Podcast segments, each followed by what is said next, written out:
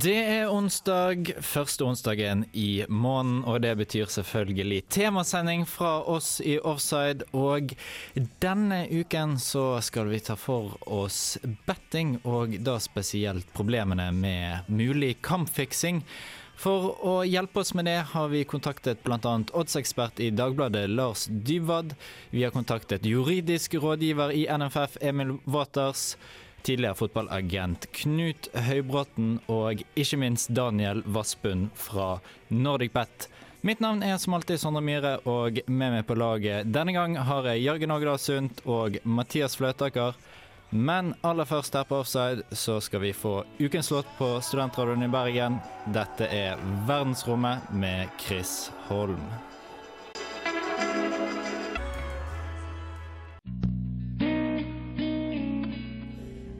Me that football is not our one common language when the whole planet stops for 90 minutes to be witness to that one thing we all understand.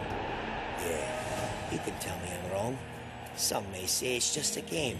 But this is about heroes and tribes, loyalty and devotion. It's our commitment and our passion, our battle and our belief. This is our faith. Now, feel the fever of the crowd, hear the roar of the faithful. This is the beautiful game. This is your moment. Offside. Vi setter linjen der ingen andre gjør. Og spørsmålet i offside i dag er hvor går linjen for eh, betting og oddstipping? Hvor går linjen for eh, kampfiksing? Og eh, Jørgen, betting er noe du i hvert fall driver med. Ja, du, du blir jo litt sånn at du må spille litt sånn eh, av og til, i hvert fall. da. Eh, For min del går det jo litt sånn i rykk og napp, men eh, jeg føler i hvert fall ikke jeg har trådt over den gresen hvor det på en måte har blitt et problem for meg personlig økonomisk, da. Det er jeg glad for. Hvordan går det med dine bettingkunnskaper, Mathias? Ja, det går bra. Eh, Jeg better jo bare fra ca. april til oktober, for det der, da er det jo lavere divisjoner. Og det er jo på en måte der ser min eneste mulighet til å ha mer kunnskap enn det oddsetterne selv har. da, Som du har hvis du tipper Premier League. Så det er jo det vi skal snakke litt her om i dag, og det er penger til igjen i deg.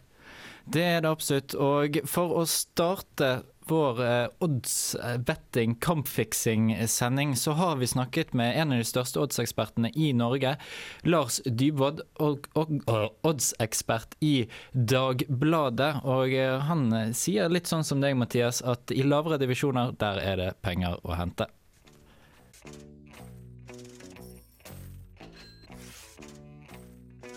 Nei, det er jo Det er jo egentlig ikke flaks i oppsetting i det hele tatt. Lars Dybwad har vært tippeinteressert i hele sitt liv. Han er nå ansett som en av de største oddsekspertene i landet, og har drømmejobben for mange som oddsekspert i Dagbladet. Han mener at å lykkes på oddsen ikke handler om flaks. Hvis du leverer eh, en kupong én lørdag, eller spiller eh, på oddsen i én måned, så vil jo tilfeldigheter og stolpeskudd og keepertabber og sånne ting avgjøre hva du kommer ut med. Men hvis du spiller jevnt over lang tid, så, så er det til min mening kun din egen dyktighet da, som avgjør eh, om det går i pluss eller i minus. Så flaks og uflaks det, det jevner seg ut over tid. Sånn er det med all sannsynlighet. Og på kort sikt kan du ha innmari flaks eller innmari uflaks. På lang sikt så er det ferdighetene som gjelder. Dyvad mener at odds i store trekk handler om sannsynlighetsregning, og at de er viktig å legge til grunn når man setter bongen sin.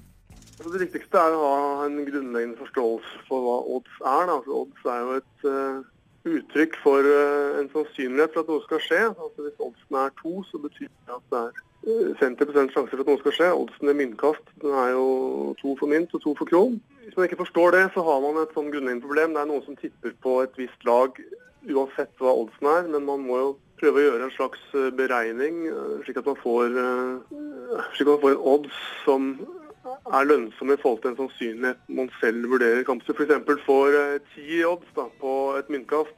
Da har det jo kjempeverdi, fordi du får ti ganger pengene på noe som skjer 50-50. Mens hvis du får 1,5 i odds, så vil du da alltid gå i tap. Så det er viktig at du, man forstår det at man tipper ikke nødvendigvis på det man tror er størst sjanse for at skal skje. Man tipper på et utfall som, som man mener er godt betalt i forhold til den oddsen som eh, Norsk Tipping gir. da.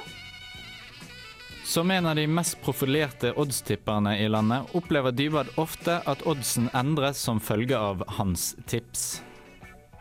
Ja, det skjer veldig ofte at eh, mine, de kampene jeg har valgt ut, at eh, oddsen endres på de. At oddsen da synker på de utfallene som jeg har spilt. og det Jeg skal ikke påberope meg æren for at det skjer, men det, det skjer jo fordi eh, alle spillselskaper kutter oddsen hvis de får store innsatser på den oddsen. Så hvis veldig mange spiller på et eh, fotballag, så vil oddsen på det fotballaget gjerne synke.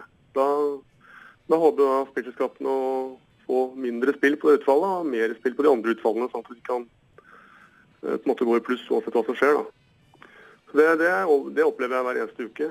Så det, det handler også litt om at når jeg sitter og studerer oddslistene fra Norsk Tipping, så prøver jeg å finne de kampene eller oddsobjektene hvor oddsen skiller seg ut som spesielt gunstig på et utfall. Og når jeg sitter og identifiserer det, så kan man regne med at mange andre også gjør det. Og da, da kommer innsatsen inn, og da kutter selskapene i oddsen. Dybwad forklarer at hvordan bettingselskapene setter oddsen, spesielt nedover i divisjonene, har endret seg de siste årene. Det er jo blitt slik at oddsen mer og mer styres av eh, måte det internasjonale oddsmarkedet og det som skjer der. Det er, altså, I gamle, gamle dager, som vi kaller det, så skal ikke definere noe tidsrom på det, så var det mer slik at det satt på en måte oddstippere hos også oddsselskapene, gjorde sine vurderinger og tok kanskje litt sjanser, trodde hardt på et utfall. Og så spilte tipperen imot. Nå er det mer slik at uh, oddsselskapene de eh, kopierer mye odds av hverandre. De er veldig kjappe til å endre hvis de får mye spill på et utvalg. Og det er nok uh, mer teknologi og mer automatikk og kanskje mindre lokalkunnskap. Spesielt det å ha en gjennomgående lokalkunnskap er noe du kan tjene penger på, som oddstipper mener Dybwad. Hvis jeg skulle gitt eh, ett råd til en begynnende oddstipper, så er det jo å spesialisere deg på det området hvor du bor. Hvis du har en eh, annendivisjonsavdeling, eller kanskje spesielt tredjedivisjonsavdeling i ditt lokalområde, du går på kamper der og følger med, da har du en eh, gyllen sjanse til å, til å gjøre gode spill i den, den divisjonen. For det skal ikke så veldig mye til å ha mer kjennskap til disse avdelingene enn det spillselskapene har. Og Spillselskapene har jo også den ulempen at de må sette odds på alt som kan krype og gå av fotballkamper, mens du kan plukke ut én som du velger å gjøre din, din innsats på. Så det er klart eh, Å gå altså Lokalkjennskap er, det er gull altså, når man skal spille nedover i divisjonene. Man kan jo ha mye lettere å, gjøre gode spill på det enn f.eks. i Premier League, hvor all informasjon stort sett er kjent av alle. Det er ikke noe, I tredjedivisjon kan du oppleve at halve laget er på russetreff eller er i bryllup. Det, det sjekkes ofte i Premier League.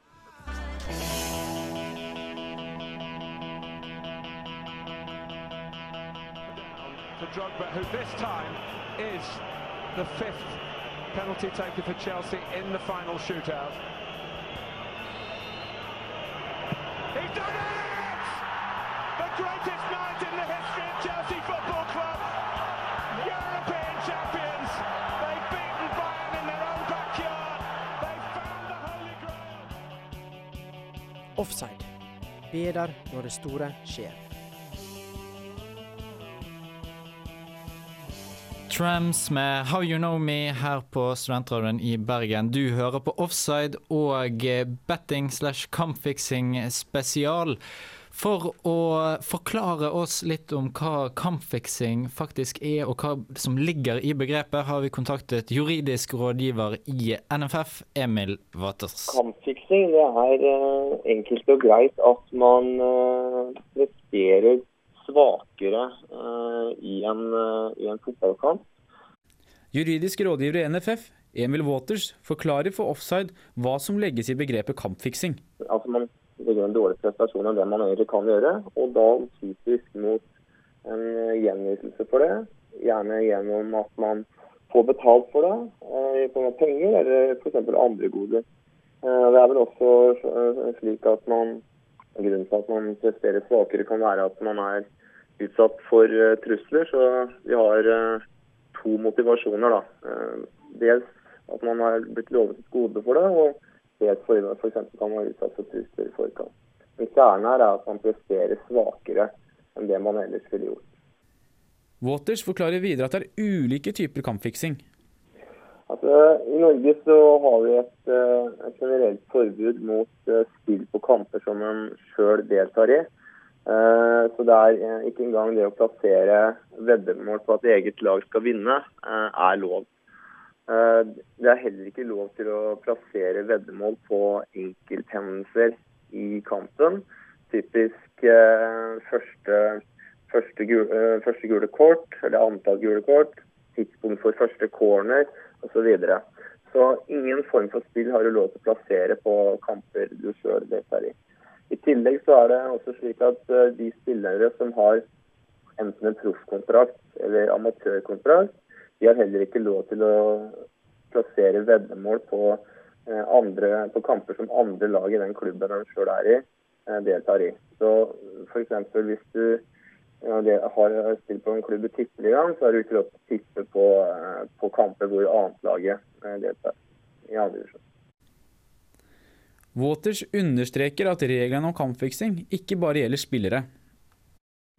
de som har en eh, Alt fra eh, trenere til de som har en eh, rolle rundt laget i støtteapparat, de har, ikke, de har heller ikke lov til å plassere veddemål på, på kamper hvor lag som har, hvor en har en tilknytning til. og da det, kan det være litt vanskelig i enkelttilfeller å trekke opp den grensen der, men det er ingen, ingen tvil om at trenere eh, og det nærmeste støtteapparatet ikke har anledning til å, å plassere veddemål på, på kamper hvor det laget en sjøl har en tett tilknytning til, deltar. Men eh, den, den nærmere grenseoppdragningen kan være litt, eh, kan være litt vanskelig av. Fordi kampfiksing er så nytt, har ikke NFF utarbeidet noen faste strafferammer de kan true med. Ganske nytt område innenfor for norsk fotball. Så vi har ikke fått noen, eh, noen praksis fra, fra våre domsutvalg som sier noe om, om nivået her. Så det er, eh, det er nødt til å, å egentlig eh, bare utvikle seg gjennom praksis. Så, men det er klart, det er jo forskjell på alvorlighetsgrad her i overtredelser. altså det å spille på, på en kamp hvor en sjøl deltar, og f.eks. at man har da spilt for at man har vunnet, er jo av en helt annen alvorlighetsgrad enn de som har vært involvert i, i direkte kampfiksing. Da. Så det er jo, det er jo fors forskjell i alvorlighetsgrad her. Men, men eh, hvor lang utstengelse man, man risikerer for de ulike overtredelsene, det, det, er, eh, det blir opp til domsutvalget våre å avgjøre. og Foreløpig så har vi spars sparsommelig om noe praksis på området. I prinsippet mener Waters at kampfiksing er like alvorlig uansett divisjon, men at norsk fotball vil ta større skade av skandaler i toppfotballen. Generelt så jo, kan man jo si at det bør jo ikke være noen sånn forskjell for det at man eh, Det får så hvert enkelt tilfelle hvor man har mistanke om kampfiksing, eh, er potensielt veldig svært ødeleggende for, for fotballens omdømme så, og får stor oppmerksomhet. Så, sånn sett så har det vel ikke all eh, verdens betydning hvilket nivå det, det, det skjer på. Det er eh, alvorlig uansett. Så eh, Men det er klart, eh, jo høyere opp i systemet, divisjonssystemet det kommer, jo større skader vil det vel, eh, vil det vel kunne ha på, på, på norsk fotballs omdømme. Men eh, men som sagt, eh, medieoppmerksomheten er stor nesten uansett nivå i Norge.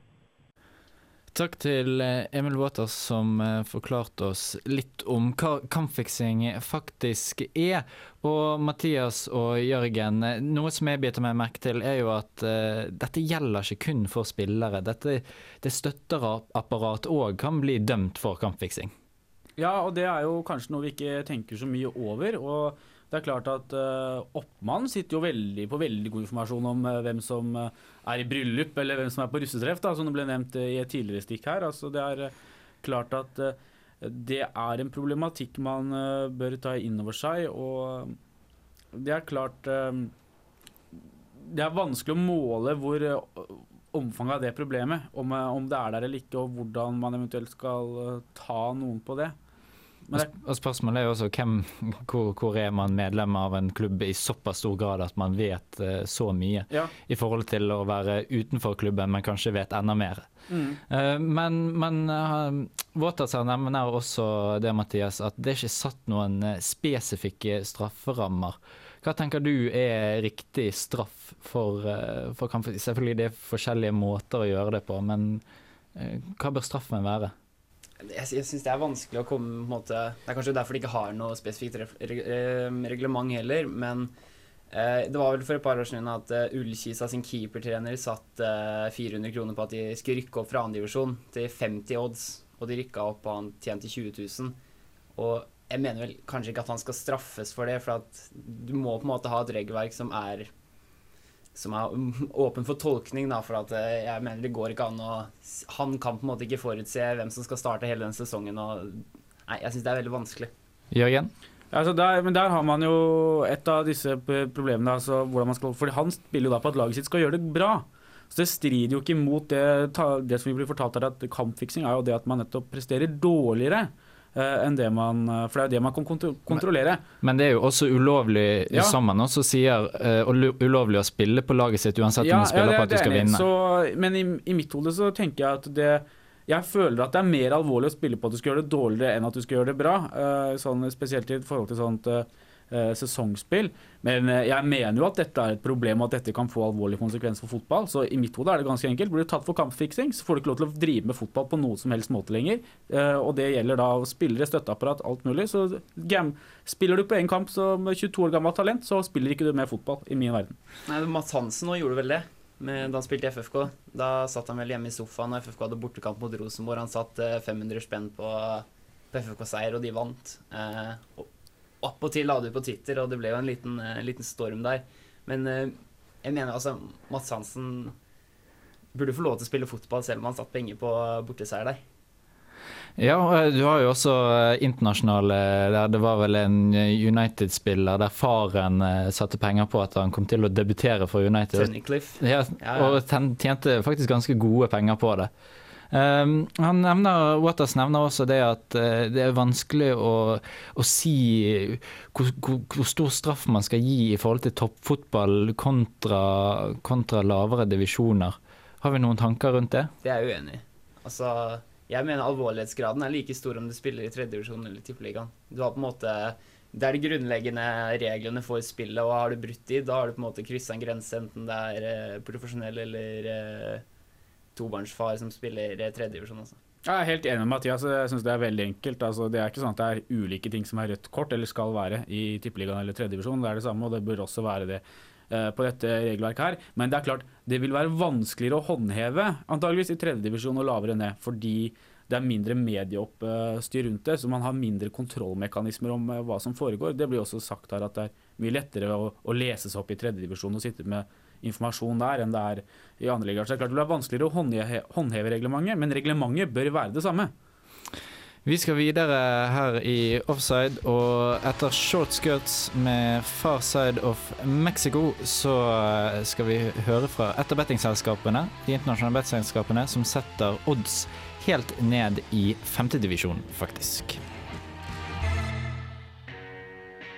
I've just managed to speak to Roberto Mancini out here, and uh, he's confirmed that following the big money acquisitions of David Silva, Yaya Toure, and Jerome Boateng, uh, Manchester City have now gone one further by completing a deal to sign Jesus Christ, our Lord and Saviour. Offside. Vi trenger ikke penger for å oppnå suksess. Vi trenger ikke penger for å oppnå suksess, men eh, det gjør bettingselskapene, de internasjonale bettingselskapene. De må ha penger for å kunne gå rundt, og NordicBet er et av eh, de selskapene. De er et av få selskaper som setter odds helt ned i norsk eh, femtedivisjon. Og Mathias Fløtaker har fra NordicBet snakket med Daniel Vassbund. I dagens marked tilbyr bettingselskapene odds på stadig flere kamper. Norske oddstippere kan sette penger på kamper helt ned i femtedivisjon. Vi tok en prat med Daniel Vassbund i NordicBet om hvordan denne oddsen settes. Vi har et uh, stort uh, nettverk av oddsettere som bor rundt i hele landet. Så da har vi, et, uh, har vi et veldig godt grunnlag. Så ser vi at det er et av de få selskapene som har det. og det har jo gjort at en del selskaper da kopierer våre odds, men det, det er bare noe vi må leve med. Hvordan setter NordicBet odds i en norsk femtedivisjonskamp? Er litt sånn ulikt. altså Er det, er det klart er det et femtedivisjonsoppgjør, så det er jo ofte stor variasjon hva de stiller med. Eh, Men vi kan ikke vente til eh, lagoppstillingen er ute. Så vi, vi setter odds eh, ut ifra den eh, forhåndskunnskapen vi har. Og, og form og, og tabell og all den slags. Og så er klart, det er jo ikke så sikkert at vi, vi kan absolutt bomme, vi også, i de, i de lavere divisjonene. Det er ikke noe tvil om. Kampfiksing ble satt på agendaen i norsk fotball da flere Follo og Aske-spillere ble mistenkt i 2013. Hva skal til for at dere fatter mistanke? Nei, det er klart at Hvis vi får, eh, hvis vi får veldig store innsatser på en kamp, så, så begynner en del eh, alarmbjeller å ule. Eh, spesielt i lavere divisjoner. og det er klart da, da er det jo flere ting man kan gjøre. Først så vil man, første skritt man vil gjøre, er jo å redusere oddsen. Eh, justere den ned. Også hvis man ser at det fortsatt blir spill på det, så vil vi jo kanskje gå så langt som at vi stenger spillet og begynner å gjøre undersøkelser på, på hvem som har spilt på kampen, hva er det som skjer her. Kampfiksing i Norge er ikke et eh, stort problem slik vi ser det. Altså det ofte så kommer det av at det er eh, Grunnen til at det kommer stor innsats på spill, er ofte fordi at det ligger tips ute på forskjellige forumer, at folk har inntil informasjon om at det her mangler fem mann, det er et utdrikningslag osv. Som gjør at eh, da, må vi, da må, får vi tunge innsatser, og vi må justere spill. Vassbund understreker likevel at kampfiksing per dags dato ikke er et stort problem i Norge. Vi har ennå ikke opplevd at det har vært noen eh, mistanker om kampfiksing i lavere divisjoner. Rett og slett fordi at du får ikke spilt de store summene du kan få eh, på, på f.eks. en Premier League-kamp. Vi, eh, vi hadde heller ikke noen mistanker i forbindelse med den kampfiksingssaken hvor det kom vel en dom i dag. Så nei, altså, vi, vi har ikke noen eh, vi har ikke hatt noen mistanke om det til nå. Altså. Og vi tror heller ikke dette er noe stort problem i lavere divisjoner. Rett og slett fordi vi ikke får tatt de summene som skal til for å, for å kunne ta den risikoen som spillerne da tar ved å prøve seg på noe sånt nå. NordicBet forteller at den i realiteten ikke kan sette de store summene i lavere divisjoner i Norge. Eh, Det er ikke store summer uten at eh, det vil gå av alarmbjeller, så vi snakker ikke, vi snakker ikke sekssifrede beløp her. altså. Vi snakker godt under det. Kampfiksing blir ofte Da er det ofte store syndikater som står bak, som eh, virkelig kan få sette både seks- og syvsifrede beløp, som gjør at eh, det blir aktuelt, og det er det ikke i, i lavere divisjoner i Norge. Det er få selskaper som tilbyr odds på de avdelingene. Har du, er det Premier League, så tilbyr jo absolutt alle spillselskaper i hele verden odds på det. Og da er det jo lettere å få fordelt spillene. Vassbund avslører at oddsen på lavere divisjoner først og fremst er et godt tilbud til kundene, i større grad enn at selskapet tjener mye penger på disse kampene. Grunnen til at vi har det, er fordi vi ser at eh, folk eh, ønsker å spille på sitt lokale lag. og Derfor så tilbyr vi odds på det. Det er, eh, det er ikke der vi tjener pengene våre. Så Det er egentlig mer for å ha et bredt utvalg, og fordi at vi ser at det er veldig populært blant spillere å spille på sitt lokale lag. NordicBet er registrert i utlandet og har således ikke et samarbeid med NFF dersom en fatter mistanke om at spillere har satt penger på egne kamper. Eh, altså, har, altså, nå er jo dessverre sånn at eh, NFF har vel ikke, har vel ikke ønske om å ha så mye med oss å gjøre i det hele tatt. Eh, verken når det kommer til kampfiksing eller andre ting. Så vi har ikke noe samarbeid med de. Men det er klart, eh, nå har jeg ikke opplevd det selv, men det er klart hvis, hvis vi hadde oppdaget at en eh, spiller hadde spilt mot sitt eget lag, så ville, ville vi nok reagert. Og da ville nok reagert ved å ringe til spilleren og si at dette spillet blir kansellert, og at uh, dette er gult kort og ikke gjør det igjen. Vi ønsker ikke at folk skal spille, spille mot sitt eget lag, for å si det sånn. At laget sitt taper. Vassbund forteller at oddsspill på lavere divisjoner blir stadig mer populære i det norske markedet. Nå kommenterer vi aldri summer, men det er klart altså, vi kommer aldri opp på de nivåene at uh, det kan konkurrere med en Champions League-kamp. Men vi ser jo det at uh, det er veldig sånn varierende på når kampen er i uka. Altså Er det på en mandag og det ikke er så mye annet som står på tapeten, så kan det være veldig, veldig populære spill og veldig mange som spiller på det. Og spesielt da hvis det ligger noen tips ute på noen forumer rundt omkring, så kan det bli veldig, kan det bli veldig bra omsetning. Men spilles kampen på en lørdag klokka fire hvor du konkurrerer med ja, Premier League, Bundesliga osv., så, videre, så er ofte omsetningen ikke all verden. Takk til eh, Daniel Vassbund fra NordicBet, eh, som forteller eh, her, Jørgen og Mathias, at det er ikke sekssifrete beløp som kommer i lavere divisjoner i Norge, men sekssifrede beløp er jo likevel veldig mye hvis man har tenkt å f.eks. bette på seg selv eller andre ting man har kjennskap til, Mathias.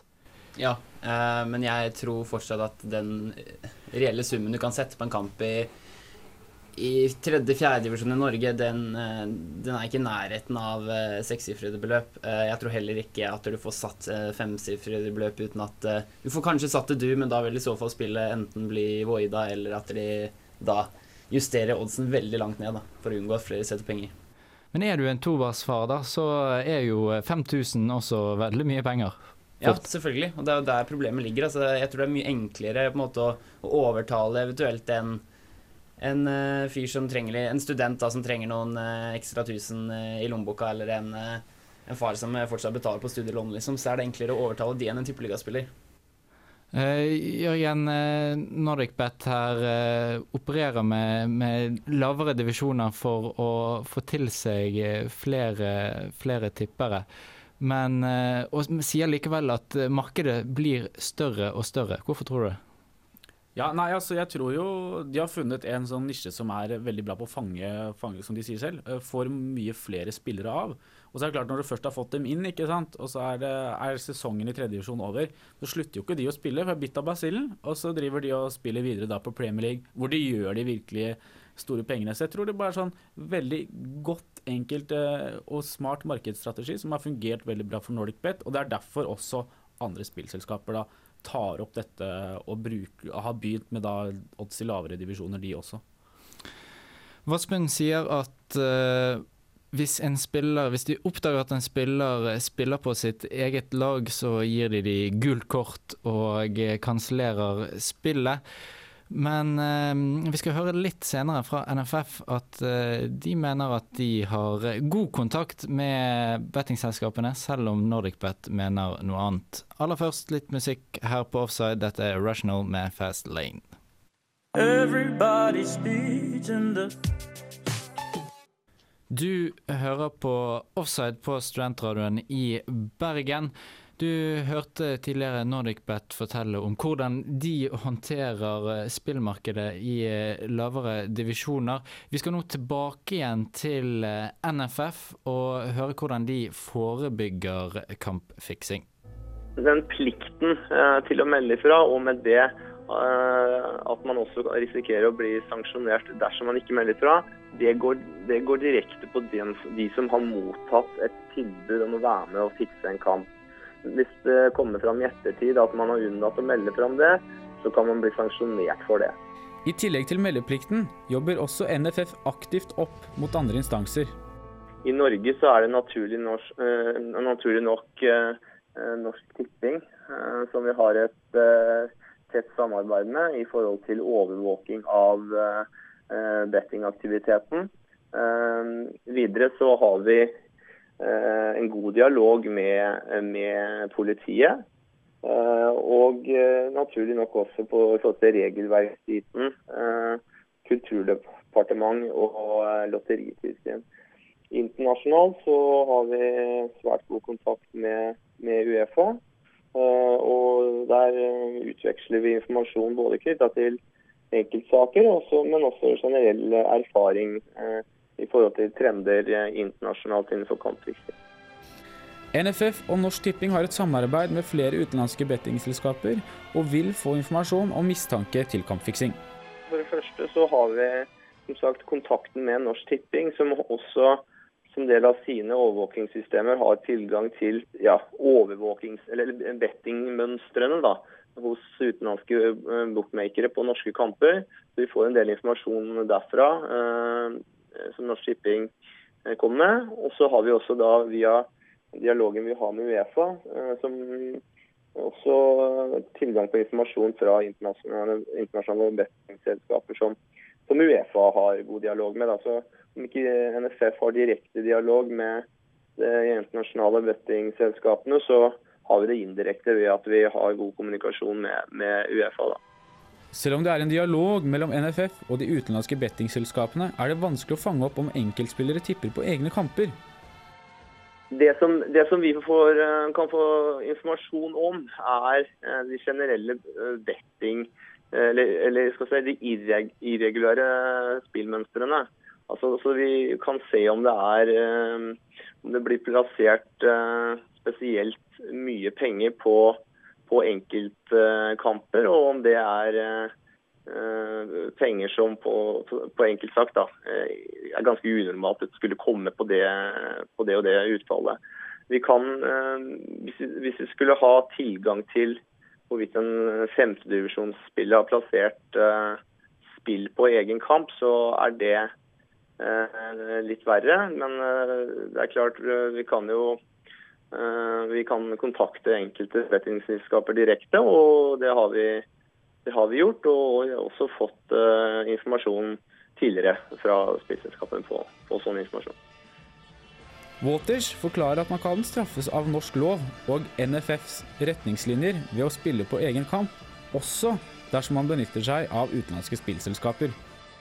Det, det er et godt spørsmål altså, hvordan det forholder seg til norsk straffelov og hvorvidt du plasserer et spill på, på egen kamp. Jeg skal være litt forsiktig med å uttale meg om hvordan det forholder seg til den alminnelige norske straffelovgivningen. Men det som i hvert fall er, er klart, er at uh, kampfiksingshandlinger, uh, altså det som ligger i kjernen av kampfiksingshandlinger, det rammes i hvert fall av, av uh, norsk straffelovgivning. Og enhver spiller som plasserer spill på, på, egen kamp, vil i hvert fall bli også ramma av Fotballforbundets regelverk, og da risikere å bli utestengt fra, i hvert fall fra fotballen. da.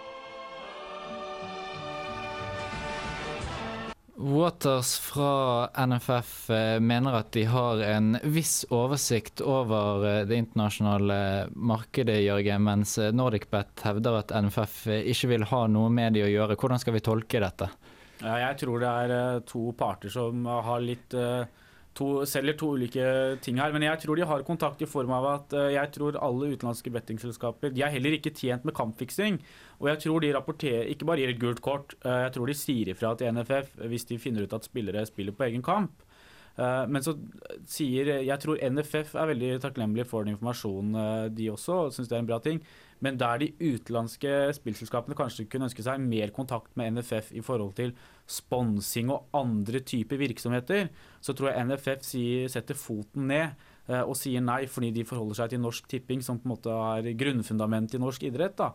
Uh, og Derfor så sier nok NordicBet at uh, NFF ikke vil ha kontakt med dem, fordi det stemmer i så å si alle situasjoner, men med kanskje unntak i kampfiksing, da, hvor de har en sånn gjensidig uh, ja, Begge to har et gjensidig forhold til at det er en bra ting at de får tatt de som driver med kampfiksing.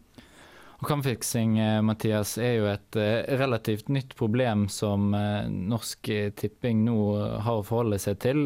Hvordan tenker du om håndteringen de, de har? Altså, det blir jo vanskeligere da, i og med at Norsk Tipping har vel av og til tredjedivisjonskamper, mens altså, de utenlandske bettingselskapene da har helt ned til femtedivisjon, så det er mye vanskeligere for eh, Norsk Tipping å på en måte vite hva som skjer og hvem som setter penger på hva i lavere divisjoner når de selv ikke tilbyr spillene. Eh, I tillegg så er det jo ikke vanskelig for en tredjedivisjonsspiller å tipse kameraten sin om å sette 500 kroner på en kamp han skal spille. Så er det på en måte innafor reglementet, men likevel så er jo det ja, ulovlig. Hvordan videre, gutter? Hvordan tenker vi at NFF skal, skal håndtere dette problemet? Nå, nå, har vi nettopp hatt én kampfiksingssak som endte med, med fengselsstraff. De anket vel, vel dommen, men hvor alvorlig skal vi se på dette problemet? Jeg mener at det er veldig alvorlig, for det strider mot prinsippet om at det skal være en sånn de skal ikke vite resultatet på forhånd, det skal være en fair konkurranse og alt det. Er litt som doping også ødelegger sporten på en annen måte, men allikevel, jeg føler det er vel så ødeleggende. Og det viktigste her føler jeg at man får på plass dette rammeverket som de egentlig ikke har på plass, og har straffeutmålinger, sånn at man enkelt kan true med noe konkret. Altså det vil, og så kan man være uenig om hva som er graden av straff. Er det f.eks. Um, å spille mot eget lag kanskje skal gi en viss antall år, eller uh, hva det nå skal være fengselsstraff, men f.eks. å spille på første corner kanskje er, eller innkast er, uh, skal gi lavere straff, da, men at man får på plass konkrete lover med straffer, det tror jeg vil være veldig preventivt, fordi man da har noe konkret å henvise til. Men, men doping er jo én ting, Mathias. Det er jo eh, for å få et fortrinn, mens dette er jo beint ut økonomisk kriminalitet. Ja, og det gjør det nesten enda verre for meg, på en måte. Nesten? Så, ja, det er jo det. Altså, jeg mener du Altså, doper du deg, så er det, kan det på en måte være det siste, måte, det siste du har igjen av målet om å bli den beste, da. Mens her Doping- handler det faktisk om å undergrave hele idretten. Doping er jo også økonomisk kriminalitet, så uh, det faller argumentet faller litt for sin egen urimelighet der, da, mener jeg, Sondre. Det kan du mene hvis du vil. Vi skal eh, videre, og etter eh, litt bergensk musikk med Kakk Motherfucker, så skal vi høre fra en eh, gammel fotballagent, Knut Høybråten, som fikk tilbud om å være med og fikse en norsk kamp.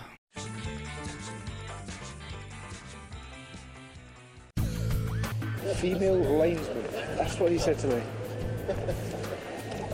He says she's, he says she's all right now. I don't, I don't know if I should trust his judgment. No, I wouldn't. I definitely Well, somebody better get down there and explain offside to her. Yeah, I know. I believe that. Female linesman. That's exactly what I said. Somebody does know the offside rule. Why is it? The game's gone mad. Offside. Vi setter pris på fotball og dame.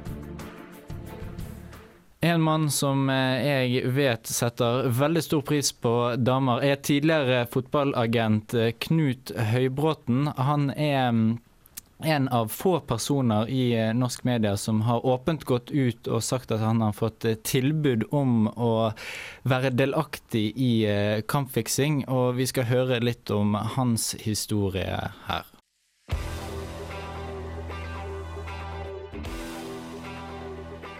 Skjønte jo at det var ikke tull jeg kom med.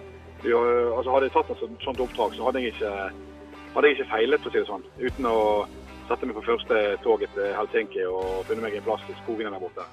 Tidligere fotballagent Knut Høybråten er en av få representanter fra fotballen som har fortalt åpent om sitt møte med kampfiksing. Det begynner å bli lenge siden nå, men Høybråten husker møtet med kampfikseren godt.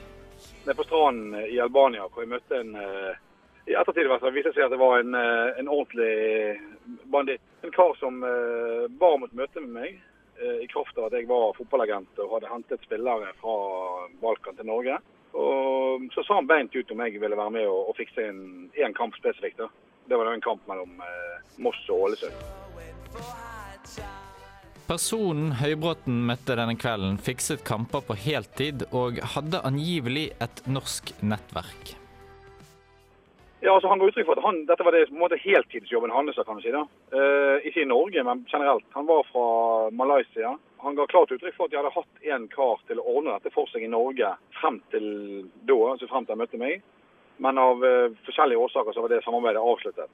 Så de trengte liksom en ny eh, fikser da, kan du si, i Norge. Oppgaven denne mystiske mannen ga Høybråten var klart. En bunke med euro kunne fordeles slik han selv ville, for at et gitt resultat skulle komme ut av kampen. Altså, han sa jo ikke så mye om hvordan de gjorde det tidligere, men det han spurte meg om, var om jeg kunne da uh, sørge for at uh, Moss kunne tape da med mer enn tre mål. Eller tre mål eller mer. Så forklarte han meg at det normale da var å kjøpe gjerne to-tre forsvarsspillere, og selvfølgelig keeper hvis det var mulig. Eh, for å sørge for at de eh, slapp inn de nødvendige målene. Så spilte det jo for så vidt liten rolle om de tapte 6-3 eller 3-0 eller 4-1. Så eh, da kunne på en måte Forsvaret justere antall baklengs. Og så kunne resten av laget jobbe som hester for å prøve å vinne kampen. Sånn at da fremstår det jo ikke så lett å se at det var en fikset kamp.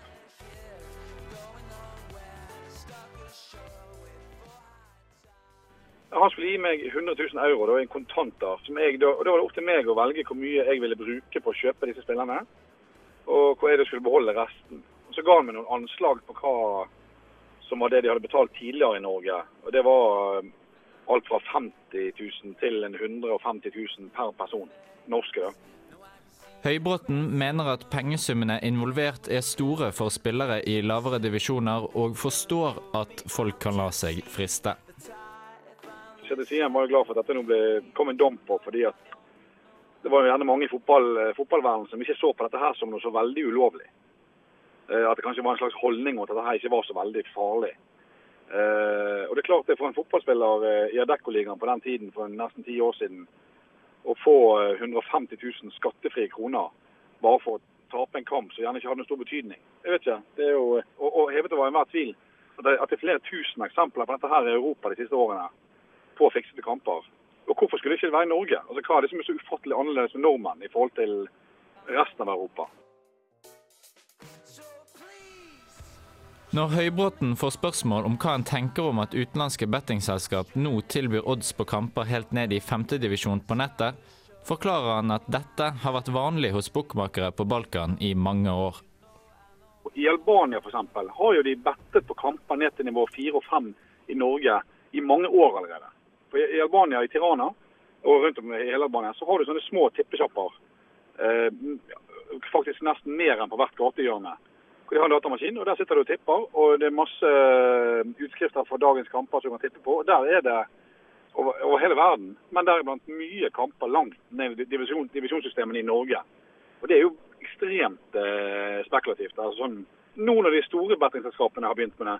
Så kunne jo for så vidt de, eh, de albanske små, småklubbene eh, bare hermet etter oddsene som de store bettingselskapene hadde hatt. Det kunne jo på en måte vite en viss mening, i hvert fall. Eh, at de da hadde en slags trygghet for det. Men, men dette er jo mange år siden de begynte med i Albania. Lenge før noen i det hele tatt eh, har tatt i det. Altså, vi snakker jo tredje-fjerdedivisjonskamper i Norge. Altså Eidsvoll-turen. Jeg, jeg spilte på Eidsvoll-turen fordi min far er fra Eidsvoll. Eh, husker jeg en gang, eh, det var vel en fire-fem år siden. Eh, det er jo ganske absurd å gjøre det når du sitter på en liten kneipe nede i Tirana og spiller på Eidsvoll-turen. Når ikke det går an å spille på det på noen som helst måte i, i Norge, eller på andre store steder. Og fortalte Knut Høybråten oss at uh, han kunne sitte nede på sjapper i Albania og spille på Eidsvoll-turen før det i det hele tatt uh, var noen andre som tilbudt uh, odds på denne kampen. Og ja, hva i alle dager skal vi tenke om det egentlig? Nei, det er jo veldig rart. Det, det er jo rett og slett helt absurd. Ja, eh, jeg skjønner ikke hvordan måte de har noe grunnlag for å gjøre det. Eh, fall, altså, men Har de enkeltkamper, så kan jeg forstå det altså, med tanke i et kamp, kampfiksingsperspektiv. Men eh, om de skal drive og ha altså, hele runden i en femtedivisjon Norge uten noe lokalkunnskap, så tror jeg ikke det ja, går, går pluss for de bookmakerne der, da. Hvordan eh, skal vi tolke det som eh, Knut Høybråten sier om at eh, denne karen han møtte, mente at han tidligere hadde også kjøpt norske fotballspillere for, for en sum mellom 50 og 150 000. Nå var dette en del år siden, men likevel. Ja, Det er jo vanskelig, for det, vi, vi, blir jo da bare spekulerende om det faktisk Mm. var i system, eller noe han sa til Høybråten for å få Høybråten til å uh, sette i gang dette systemet, egentlig. Så det blir vanskelig. Men det jeg tenker på, er jo at uh, Høybråten sier at dette er mye penger for uh, hvis du spiller i førstedivisjon i Norge. Og da tenker jeg at men tenk hvor utrolig mye penger dette er for folk nede i Balkanområdet, da, for eksempel. For faktum er jo at uh, eh, 50 000 for oss tre her i studio som er studenter, er jo ganske mye penger. Men for en vanlig nordmann så er ikke 50 000 vil ikke ha en sånn veldig økning av livskvalitet. Men det er klart, får du 150 000 nede i Balkan, så er det en veldig økning i livskvalitet over en lengre periode. Og da skjønner man jo for det første at noen er villig til å la seg selge. Og for det andre så er det sånn at hvis man regner litt på de pengene her, da, så la oss si at du kjøper keeper og to midtstoppere for eh, eh, 400 000, da, så er det den, sånn at den som fikser denne kampen, sitter igjen med 400 000 selv. Da skjønner jeg også at folk, noen i visse områder i verden fort kan la seg se, overtale til å begynne med denne virksomheten her. og Det sier jo litt om hvor mye penger der også er i omfang. da, At du får nesten ja, 400 000 for å sette i gang noe sånt her. Det er jo for én kamp. Det er jo utrolig godt betalt. Og noe annet som eh, ikke kommer frem i intervjuet her, er også at eh, Høybråten har sett at eh, når han var eh, nede i, på Balkan, så var det så mange kamper som ble fikset. Og etter hvert visste alle at kampene var fikset, til og med bookmakerne. Sånn at eh, oddsen ble så lav at det hadde ingenting å si om du satt penger på det eller ei. Og eh, da begynner det jo virkelig å bli problemer. Men som han sier, så har det også blitt bedre der nede. Um, aller sist så må vi vel bare si at kampfiksing er et vanskelig problem. Det er et uh, problem som er vanskelig å vite hva man skal uh, gjøre med, fordi det er så nytt. Ja, så handler det, jo, det handler jo i og for seg om holdninger, da, i bunn og grunn. Uh, fordi det er så utrolig mange som spiller fotball på så utrolig mange nivåer. Og det, som vi har sagt her, sagt her før, det er et problem selv om det er på øverste eller laveste nivå. og Derfor så er det jo rett og slett kanskje holdningskampanjer som må pågå hele tiden, da, som er kanskje det mest preventive uh, ja, virkemidlet man har. Nå er det vel cirka, det ikke 100 000 mennesker cirka, som på en eller annen måte er involvert i en fotballklubb i Norge i dag. Og det er veldig naivt, tror jeg, å tro at det ikke, At ikke skjer 120 000 nordmenn har samme holdning. Ja. Altså, jeg mener eh, det skjer på det europeiske kontinentet hele tiden at eh, det har vært én kamp i Norge som er fiksa, som har altså i hvert fall blitt rulla opp. Det tror jeg bare er eh, ja, Toppen av isfjellet. toppen av isfjellet.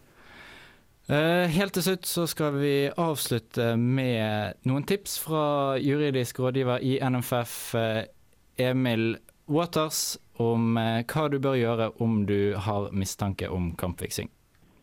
Det er det rett og slett én ting å gjøre, og det er å kontakte Fotballforbundet.